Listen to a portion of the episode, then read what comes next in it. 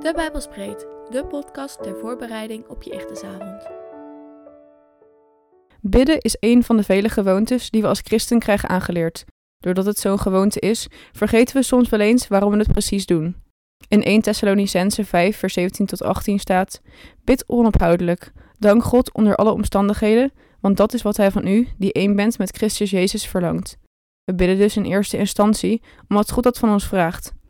Ten tweede bidden we omdat God ons belooft dat Hij ons gebed, gebed zal verhoren, zoals in Matthäus 7, vers 8. Want ieder die vraagt ontvangt, en wie zoekt vindt, en voor wie klopt zal worden opengedaan. Gebed is een ontzettend breed begrip. Je kan bidden door je handen te vouwen, je ogen te sluiten en stildenkend een gebed te prevelen. Voorover geknield op een matje is ook bidden. Of wat dacht je van aanbidden? Daar zit ook het woord bidden in. Ongetwijfeld heb jij een manier aangeleerd van hoe het bidden hoort. We bespreken twee wat minder gebruikelijke vormen om je aan het denken te zetten en je te inspireren. Het kan erg verdiepend zijn om eens op een andere manier tot God te naderen en ook de waarde in te zien van gebedsvormen waar je misschien wat minder bekend mee bent. Meditatief gebed. Bij alles wat we doen stroomt er een doorlopend commentaar door ons hoofd. Vaak zijn we zo in onze gedachten bevangen dat ons van alles ontgaat. Onze omgeving, andere mensen, God, zelfs ons eigen lichaam. We zijn niet gewend aan de binnenkant van ons eigen hoofd. Lukt het jou om 10 minuten je hoofd tot stilte te manen? Lukt 3 minuten? Een bekende vorm van christelijke meditatie is om een Bijbeltekst of een onderwerp te lezen en dat te overdenken. Daarnaast heb je ook meditatievormen gekoppeld aan de ademhaling. Terwijl je in of uitademt, zeg je een woord of een korte zin, om te verhinderen dat je weer helemaal opgaat in andere gedachten. In het christendom is de bekendste vorm het zogeheten Jezusgebed. Op het ritme van je adem zeg je de woorden: Heer Jezus Christus, Zoon van God, ontferm u over mij, zondaar. Of een verkorte versie, soms alleen Jezus.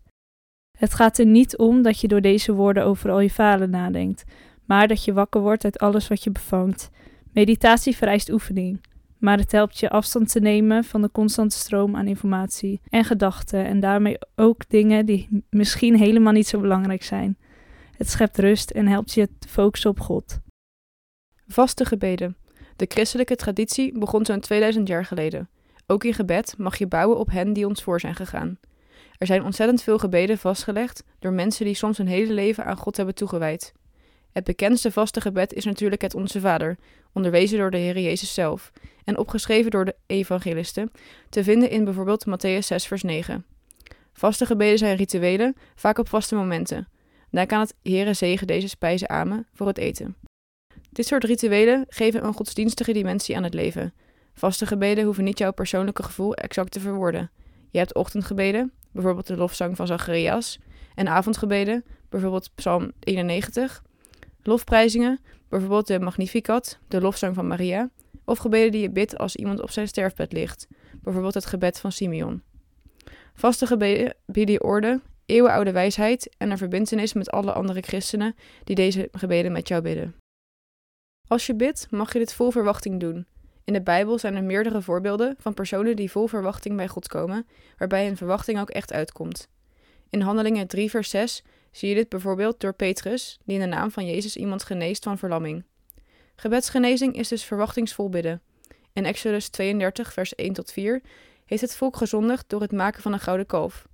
God wil eigenlijk het volk, vernietigen, maar Mozes bidt tot God om dit niet te doen. Hij weet, tussen aanhalingstekens, God over te halen en zijn gebed komt hieruit. Net zoals Mozes en Petrus mag jij ook bidden met de verwachting dat God alles waar kan maken, ook als het onmogelijk lijkt. Overdenking. Aan welke vormen van bidden doe je? Welke vormen van gebed vind je vet en wil je proberen? Bid jij verwachtingsvol?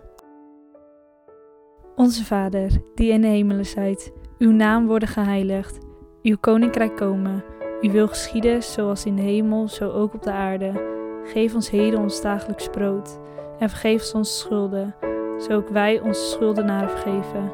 En leid ons niet in verzoeking, maar verlos van de boze, want van u is het koninkrijk en de kracht en de heerlijkheid tot in eeuwigheid. Amen.